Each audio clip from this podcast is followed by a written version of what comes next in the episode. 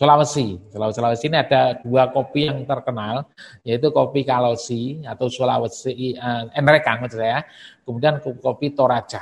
Nah, ini ini dua kopi yang berdekatan akan tetapi punya nama yang berbeda. Tapi kadang saya itu karena sering ke sana juga tak lihat dekatnya sebenarnya Kalosi sama Toraja itu satu saja. Tapi ternyata sekarang mereka punya indikasi geografis masing-masing. Nilainya tinggi sekali, bisa mencapai 88 yang paling bagus. Nah, ini yang di atas 85 sudah mencapai 21 persen, yang antara 82 sampai 85 berada 37 persen. Dan sedikit sekali yang di bawah nilai 80. Mereka ciri khasnya floral, fruity, nah, ini. Nah, ini ini adalah kopi Sulawesi. Kemudian dari Sulawesi kita kita lihat ini ini ini lingkungannya. Nah, lingkungannya ini pegunungannya namanya Gunung Putri. Nah, Gunung Putri ini sangat terkenal. Jadi di sampingnya ada hotel. Kalau sebelum pulang suruh motret Gunung Putri dulu. Nah, di bawahnya ini adalah gambar dari uh, perkebunan di Enrekang. Kalau di Enrekang itu perkebunannya bagus, naungannya bagus. Karena orangnya sangat peduli terhadap kopinya sedikit berbeda dengan di Toraja. Kalau di Toraja ini kopinya ini eh, kayaknya berada di antara bebatuan dan eh, nampaknya perawatannya tidak seintensif dengan yang di Enrekang. Cuman hasilnya cita rasanya lebih terkenal kopi Toraja. Karena kopi Toraja ini sudah diperkenalkan lebih dahulu oleh orang Jepang dan melalui PT Tuarko Jaya. Ini menjadi kopi yang sangat bagus di Jepang sana. Bahkan sudah dipatenkan oleh orang Jepang tersebut. Nah, kita juga terima kasih aja lah, tidak usah protes. Hmm, saya kira itu yang membawa, mengangkat nama dan harga dari kopi Toraja. Ini proses di eh, pabriknya di Padamaran. Nah, Padamaran. Prosesnya seperti itu, itu tadi gilingnya, ini pengeringannya sama sortasinya. Saya sangat salut terhadap proses sortasinya. Karena proses sortasinya ini lain dari yang di Pulau Jawa.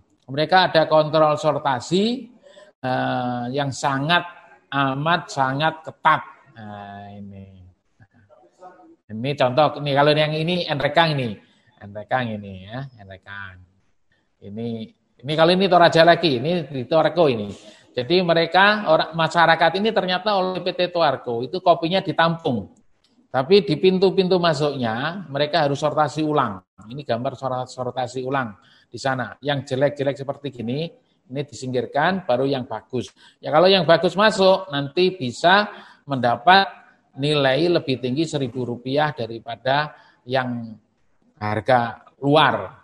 Kemudian kalau lolos uji cita rasa, mereka dapat tambahan lagi seribu rupiah dari yang sebelumnya.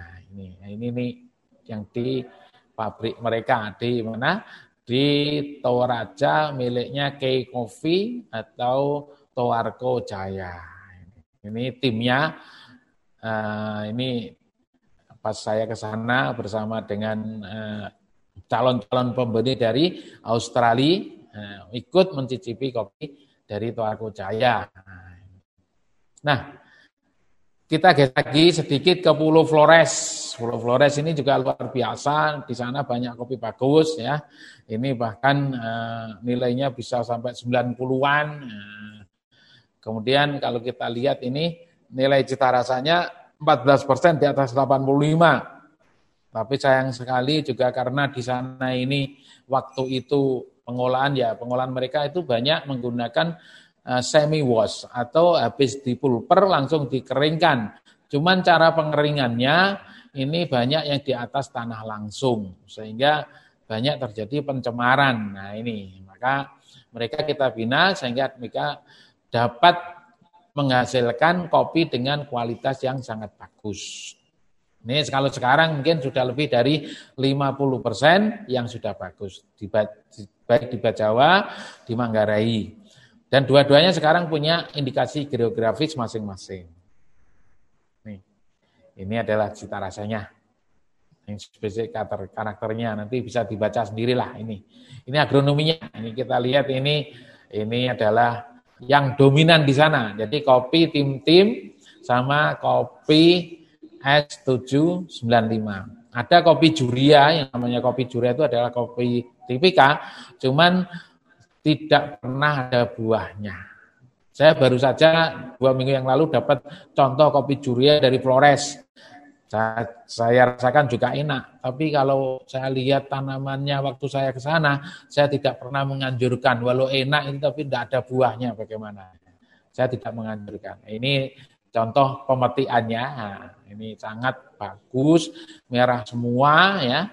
Kemudian ini dipulper bareng-bareng ya. Kemudian setelah di, kemudian di sana juga ada namanya pulper bergerak. Saya yang senang sekali itu ada pulper yang keliling untuk menggiling kopi-kopi hasil panen mereka. Cuman karena itu menunggu kadang-kadang kopinya terpaksa menginap 2-3 hari sehingga terjadi pembusukan. Nah ini untung saja sekarang ini kopi-kopi yang sedikit busuk itu disebut dengan kopi apa? Kopi waini, kopi yang rasa anggur. Nah, ini fermentasinya 12 sampai 36 jam. Nah, Pokoknya pokoknya gini lah, bahwa kopi ini kalau terjadi kesalahan olah, kita harus pandai mengistilahkan. Seperti kopi telah dipulper, ternyata wah ini ya, kita ngomong kopi anggur. Nah, ini pencuciannya. Nah, dulu mereka lebih banyak dengan full wash dry yaling. Tapi sekarang namanya juga banyak bergeser, terutama di Manggarai itu ada di Ruteng itu ada perusahaan yang membeli kopi HS basah, kemudian diolah dengan full wash wet hale di Ruteng di Manggarai. Nah, kalau yang ini, ini binaan kita ini waktu itu kita supaya mereka menggunakan proses full wash dry haling sehingga cita rasanya seperti cita rasa di Pulau Jawa. Bah Jawa seperti cita rasa Jawa. Tapi konsumennya nampaknya sekarang ingin yang agak rendah-rendah ya. Nah, ini. Dan aslinya mereka seperti ini. Jadi mereka itu sebenarnya pengolahnya dengan pulp natural atau dengan cara honey proses. Kalau yang orang Jawa Barat dapat juara dulu black honey proses, sebenarnya yang begitu-begitu itu di Flores zaman dulu kala sebelum kita eh, sebelum kita bina ya sudah honey proses.